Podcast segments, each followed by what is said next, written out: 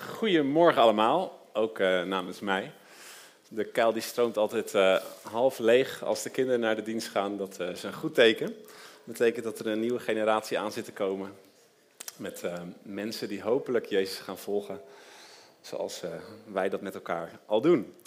Um, heel kort iets over mezelf. Ik ben Wouter, getrouwd met Suzanne. Die zit bij de babypeuterdienst samen met mijn twee kinderen, Joep en Evie. En we hebben een nieuwtje want er komt nog een derde kindje aan.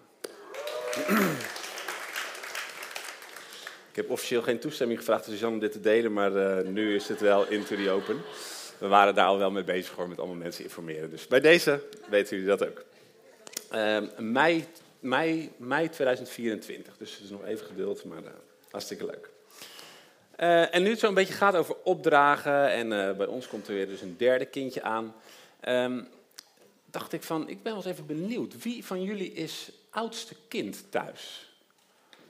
Wie zegt er, ik ben een oudste zoon of dochter? Oké. Uh, middelste kinderen, even handen in de lucht.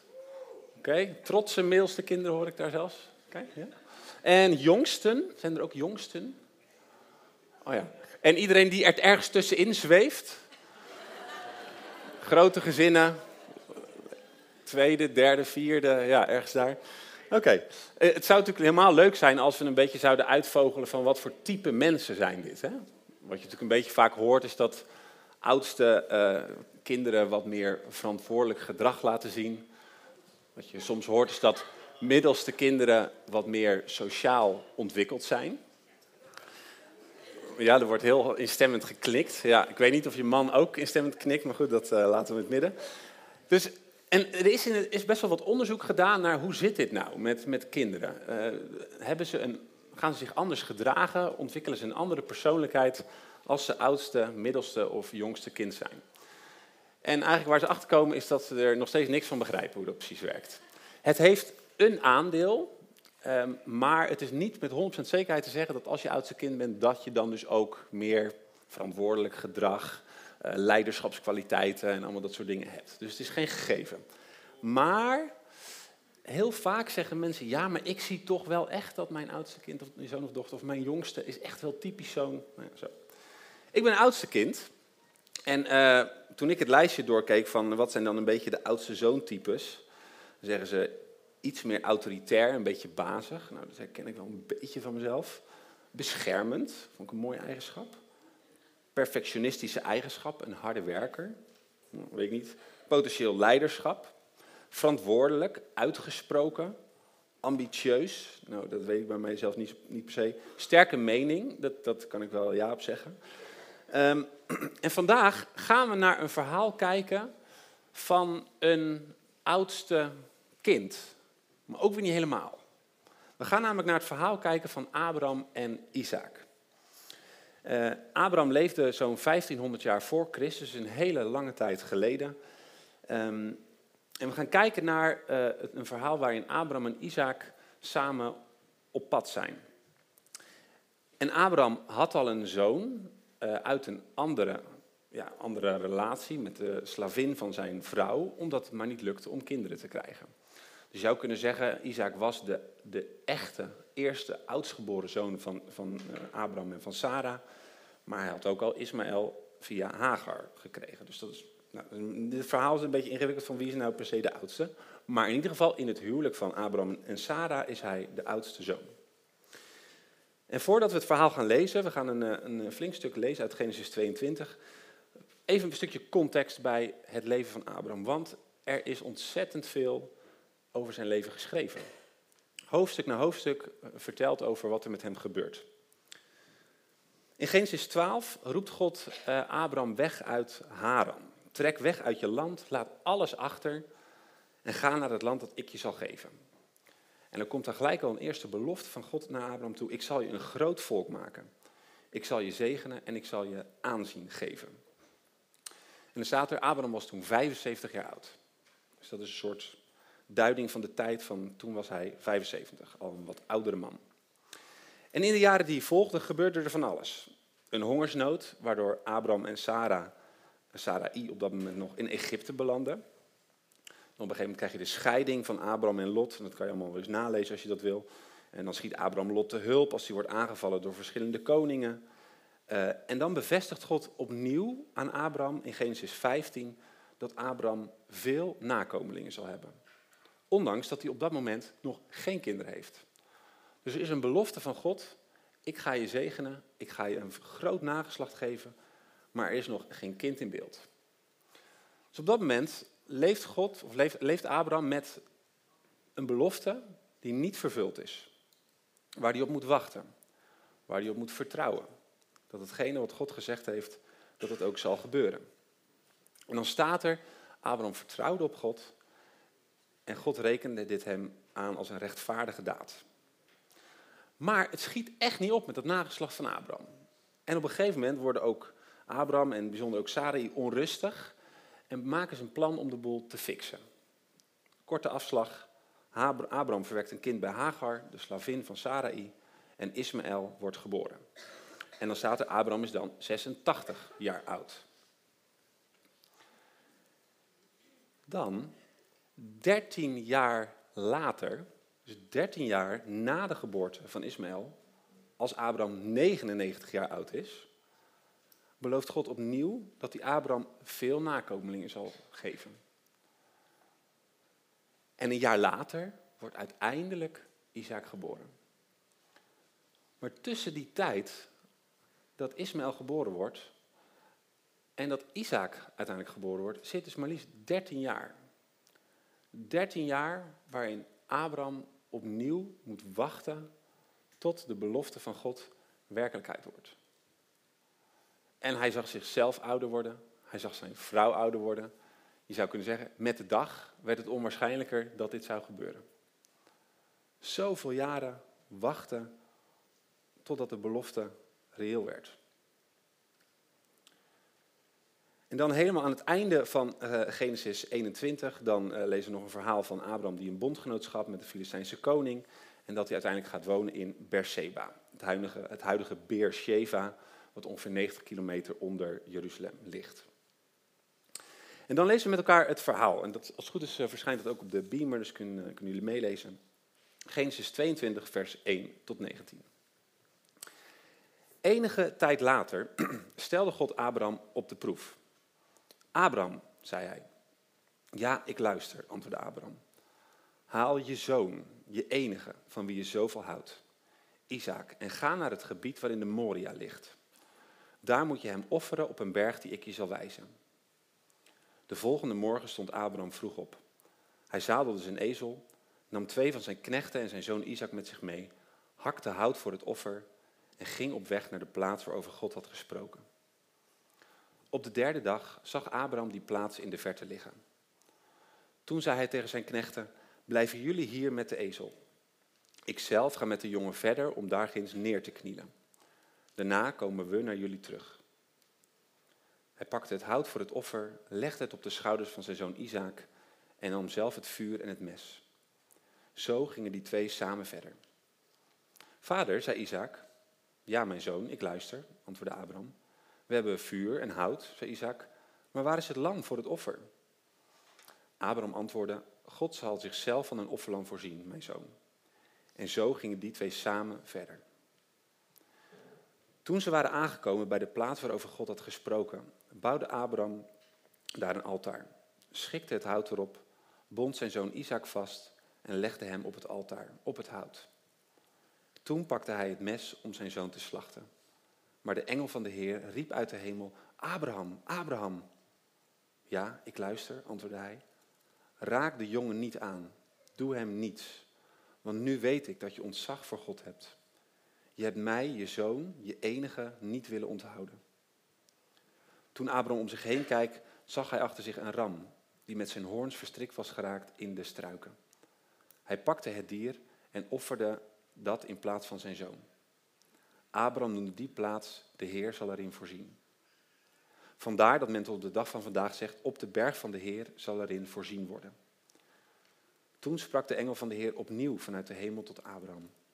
Hij zei, ik zweer bij mijzelf, spreekt de Heer, omdat je dit hebt gedaan, omdat je mij, je zoon, je enige, niet hebt onthouden, zal ik je rijkelijk zegenen en je zoveel nakomelingen geven als er sterren aan de hemel zijn en zand op het strand langs, ligt langs de zee. En nakomelingen zullen de steden van hun vijanden in bezit krijgen. En dankzij jouw nakomelingen zullen alle volken op aarde gezegend worden. Op zich gezegend noemen. Want jij hebt naar mij geluisterd. Daarna ging Abraham terug naar zijn knechten. En samen gingen ze weer op weg naar Berseba. En daar bleef Abraham wonen. Nou, een aantal dingen vanuit dit verhaal. Eigenlijk vanaf het eerste vers wat we lezen in dit hoofdstuk is het duidelijk dat God Abraham op de proef stelde. Dat lezen we direct. God stelde Abraham op de proef. Dus de trouw van Abraham, het durven wachten op de vervulling van de belofte, wordt in dit verhaal ultiem, zou je kunnen zeggen, voor 100% op de proef gesteld. Is Abraham bereid om naar God te luisteren? Om te wachten? Om te doen wat hij vraagt? En eigenlijk is in het leven van Abraham wordt die toewijding keer op keer op de proef gesteld. Eerst al als God hem roept uit een totaal, een totaal ander land naar een totaal nieuwe, vreemde plek, waar Abraham gehoor aan geeft. Hij volgt God. Vervolgens geeft hij Abraham die bizarre belofte dat hij een groot nageslacht zou krijgen, terwijl ze geen kinderen kunnen krijgen. En moet hij daar heel lang op wachten, totdat Isaac eindelijk geboren wordt. En dan, als klap op de vuurpijl, krijgen we dit verhaal. Misschien wel de ultieme test van Abrahams gehoorzaamheid aan God. Van zijn trouw aan God. En dan staan daar die ja, bijna bizarre woorden. Haal je zoon, je enige, van wie je zoveel houdt. Alsof God het er nog even in wil wrijven. Je zoon, je enige, van wie je zoveel houdt. Die moet je halen en die moet je offeren op een berg die ik je zal wijzen. Een bizarre vraag. Ook voor Abraham denk ik echt dat hij dacht van wat is dit? in die tijd waren er wel uh, andere volken waar er kindoffers gebracht werden of mensoffers gebracht werden. Maar Abraham geloofde dat God anders was. En later zien we ook in de Bijbel dat God daar helemaal niet van is en dat dat helemaal niet bij hem past. Dat zien we uiteindelijk ook in dit verhaal, dat het niet is wie hij is. Maar Abraham moet gedacht hebben, hé heer, wie bent u nou? Ik ken wel andere volken die dit voor hun goden doen, maar dit bent u toch niet? U bent toch anders? En dit is mijn zoon. De, de zoon van de belofte, waarvan u beloofd hebt, door Isaac heen zal een groot volk komen. Hoe kan dit nu? En dan staat er, de volgende morgen stond Abraham vroeg op. Hij zadelde zijn ezel, hakte het hout hij ging op weg. En ik zat over na te denken, ik denk, hoe kan het nou dat God zo'n bizarre vraag aan je stelt? En dat je de volgende nog denkt, eh, nou dat ga ik doen. Hij plant geen stilte om daar nog eens een week over te bidden. Hij gaat niet met een paar vrienden in conclave. Nou, moet je nou eens horen wat ik nou ontvangen heb van God. Ik weet gewoon echt niet wat ik hiermee moet. Hij staat op en hij gaat doen God van hem vraagt.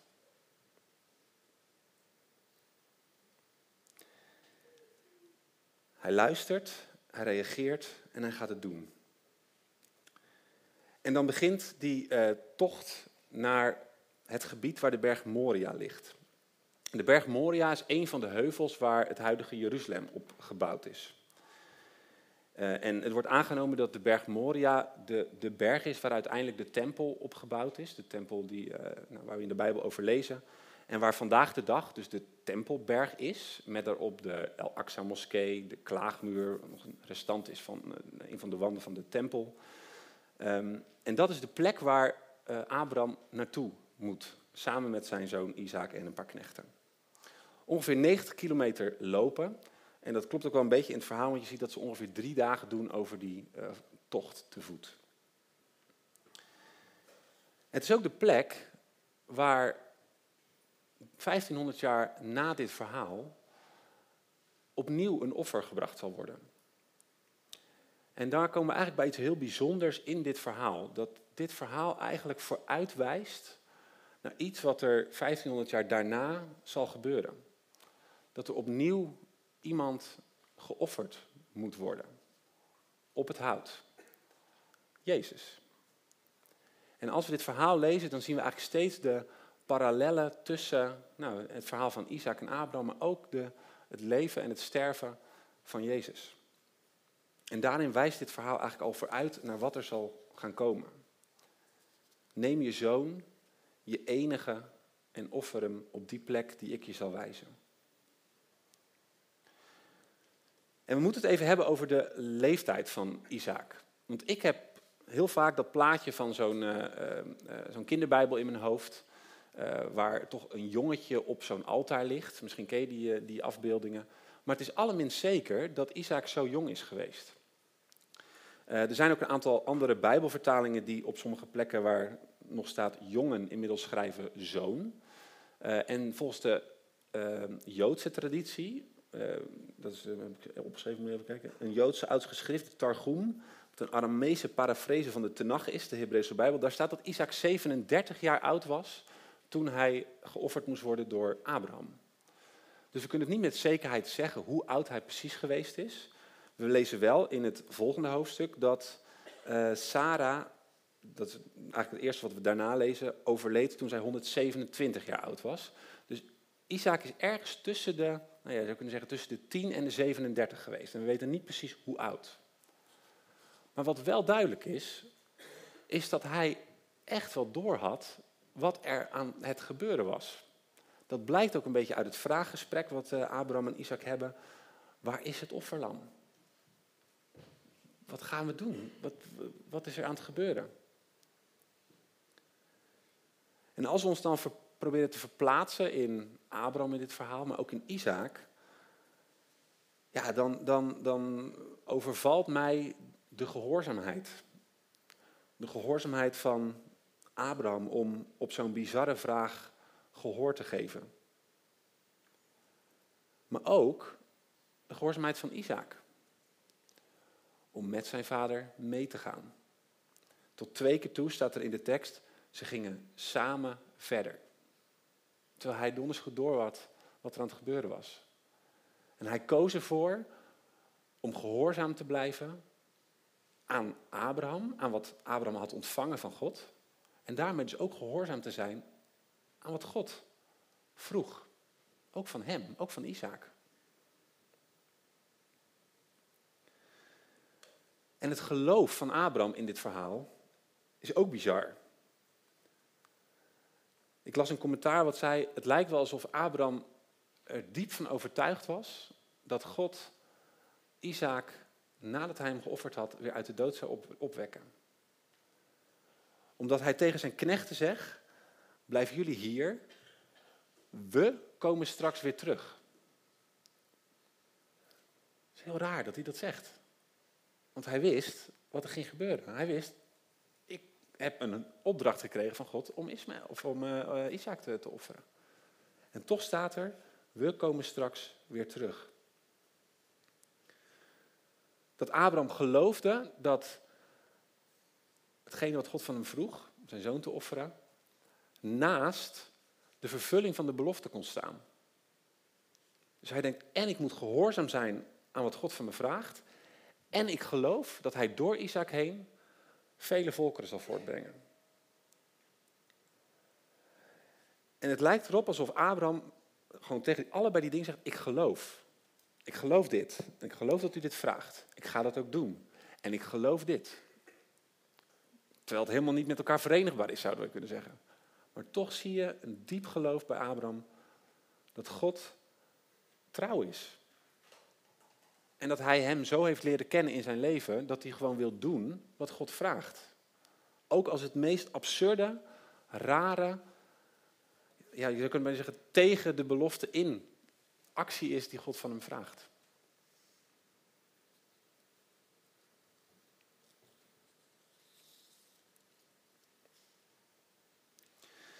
En daarmee plaatst dit verhaal Abraham en Isaac terecht tussen de, de grote geloofshelden uit de Bijbel.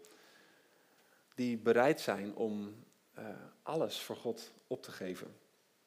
voor Abraham zijn zoon, om zijn zoon op te geven voor Isaac om zijn eigen leven op te geven. En Abraham en Isaac laten eigenlijk in dit verhaal zien dat ze zichzelf volledig onder de autoriteit van God hebben geplaatst. Dat ze geloven dat God eigenaar is van alles. Van hun leven, van de beloftes die God hen gegeven heeft. Hoe zit het met jou? Hoe zit het met mij? Geloof ik dat alles wat ik heb, alles wat ik denk, alles wat God mij belooft, dat dat van Hem is? En ben ik gehoorzaam aan datgene wat God aan mij vraagt? En hoe ver gaat die gehoorzaamheid eigenlijk? Dat is wel een beetje zwaar, hè? Ik vind het zwaar. Ik vind het een zware vraag. Want ik weet niet zo goed of ik dat kan. Ik ben heel vaak niet gehoorzaam aan hetgene wat God vraagt. Ik weet best wat God vraagt vanuit de Bijbel en dat lukt me heel vaak niet. Te zorgen voor de armen, om mensen lief te hebben die niet zo lief zijn tegen mij, om geduldig te zijn. We schieten daar enorm in tekort.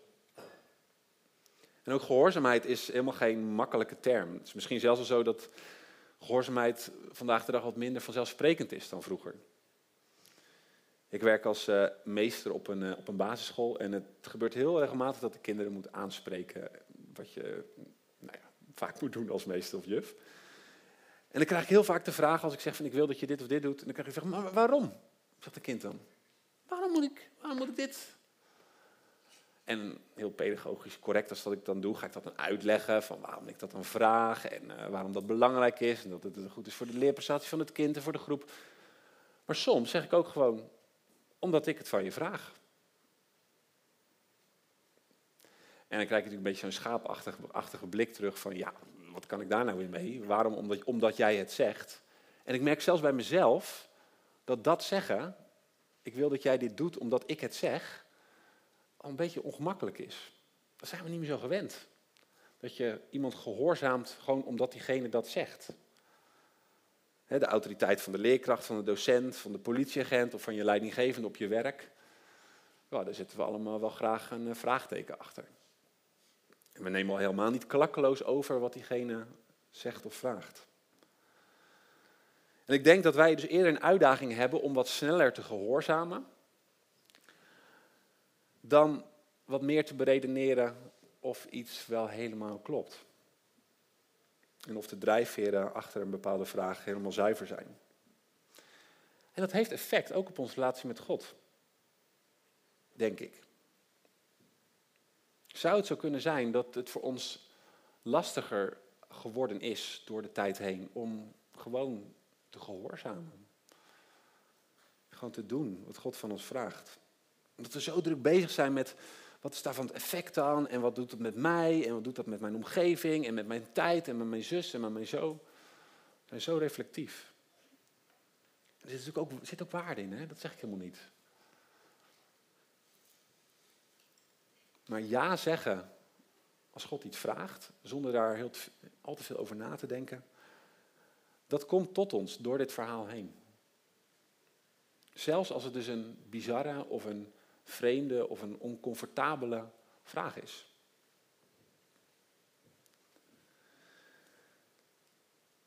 En door de tijd heen en ook in het leven van Jezus zien we dat de vraag die God steeds aan ons stelt eigenlijk dezelfde is, die ook aan Abraham stelt.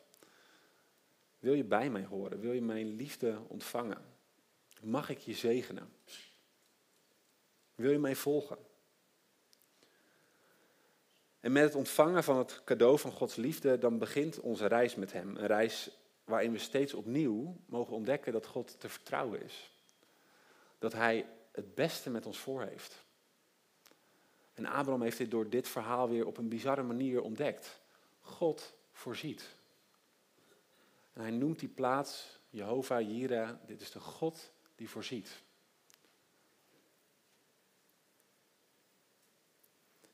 Wanneer wij in ons leven er steeds opnieuw voor kiezen om te doen wat Hij vraagt, dan ontdekken we nieuwe dieptes van Gods liefde. Dan ontdekken we op een diepere manier dat Hij trouw is en dat Hij goed is en dat Hij ons wil zegenen. Door onze gehoorzaamheid heen. Maar gelukkig is onze gehoorzaamheid aan God geen voorwaarde om bij Hem te mogen horen. En dan komen we natuurlijk bij Jezus.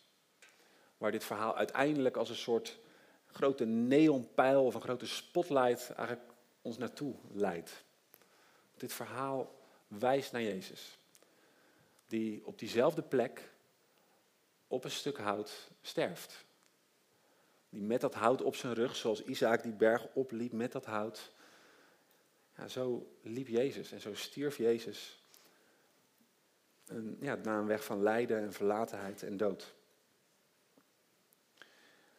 En dat is de plek waar wij met elkaar vergeving en liefde en acceptatie van God ontvangen. Waardoor onze gehoorzaamheid geen voorwaarde meer is om bij God te mogen horen. Want God zegt, ik hou van jou, ik kies jou. En voor al die momenten dat het je niet lukt om mij te gehoorzamen, om te doen wat ik vraag, is er genade en is er vergeving. En vanuit die plek mogen wij leven. Dat we weten dat we bij Jezus horen. Dat Hij blij met ons is. Dat Zijn genade ons steeds opnieuw weer op onze voeten zet als we gevallen zijn. En dat we van daaruit ook mogen leren om ja, te groeien in gehoorzaamheid. Te doen wat God van ons vraagt. En ik wil eigenlijk afsluiten met een, uh, met een, een, uh, een vraag aan, aan ieder van ons. Vanuit dit verhaal van gehoorzaamheid, van geloof, ja, merk ik bij mezelf een, uh, dat het een enorme spiegel is. Van, waar sta ik dan? En misschien herken je dat gevoel dat, dat, dat het zo leven, zoals zo'n Abraham leeft met zoveel geloof en luisteren naar Gods stem en dan in actie komen en al die dingen dat je denkt, ja, daar ben ik gewoon niet. En volgens mij wat we mogen doen als reactie op zo'n verhaal, is dat we gewoon tegen God mogen zeggen, Heer, hier zijn we. Hier ben ik. Met het beperkte geloof wat je misschien hebt, met je vijf broden en twee vissen, jouw kwaliteiten. Met ja, misschien ook wel veel vragen die je hebt over God en hoe het leven werkt. Dat we gewoon tegen God mogen zeggen, Heer, hier ben ik. En wilt u komen met uw liefde voor mij, waar ik dat nodig heb? Wilt u me kracht geven om gehoorzaam te zijn aan wat u vraagt? Wilt u me dieper leren hoe ik uw stem kan verstaan en hoe ik daar kan op kan reageren?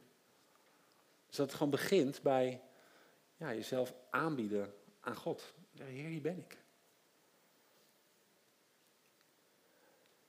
Dus eigenlijk wat ik wil doen is, um, ik wil het zelf in ieder geval graag, uh, dat doen. En zeggen, Heer, hier ben ik. Als je het fijn vindt om daarin met me mee te bidden, uh, dan wil ik je vragen om te gaan staan. Dan gaan we samen onszelf aan God aanbieden.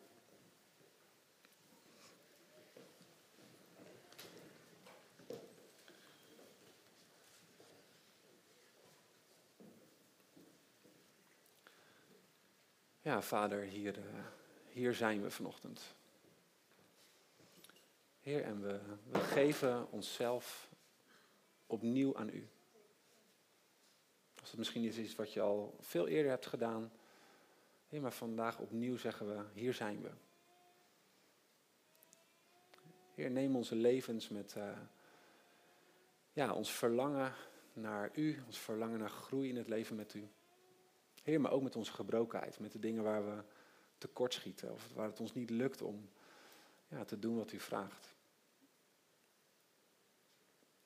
Ja, Jezus, ik wil bidden dat u komt met uw, ja, met uw vrede, waar onrust is. Dat u komt met uw liefde en uw genade.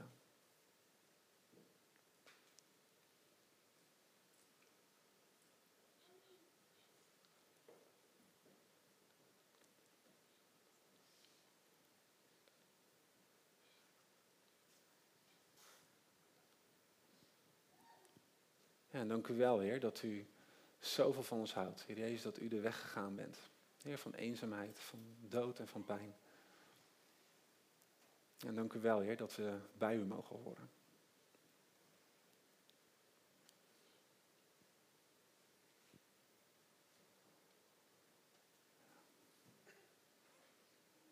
Ja, en Heilige Geest, ik bid ook echt voor een bekrachtiging van geloof vanochtend.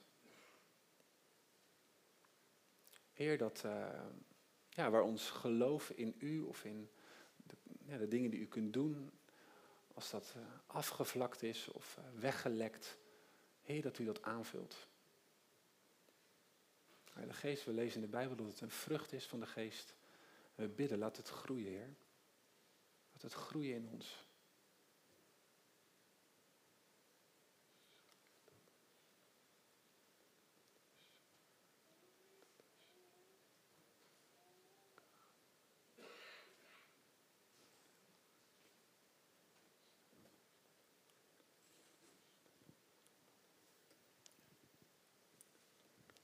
Waar jij je aangeboden hebt aan God, waar je je overgegeven hebt, is het nu tijd om te wachten op Hem. De Heilige Geest is hier. En verwacht dat Hij reageert op jouw keuze. Kom, Heilige Geest.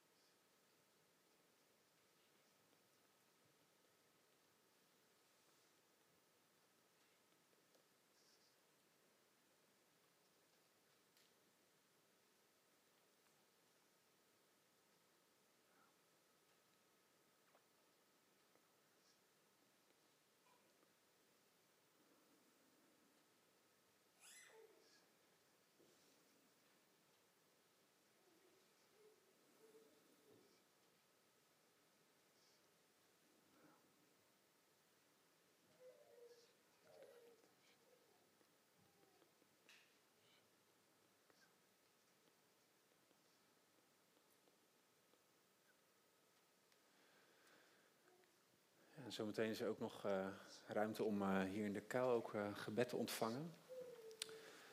En mijn aanmoediging zou zijn, is als je ervaart dat God iets spreekt of God iets aanwijst bij jezelf, dat je daar ook mee in actie komt. Een beetje vanuit de, de, de, het verhaal van Abraham, dat we zien dat hij in beweging komt als God spreekt. Ik wil eigenlijk aanmoedigen om ook te doen wat, waarvan je voelt van, heer, is God mee bezig of is hij aan het aanraken. Kom dan naar voren, dan komen mensen naar je toe die voor je, voor je willen bidden. Ik wil ook aan Hanna en uh, Herman vragen om weer terug te komen van, voor de aanbidding.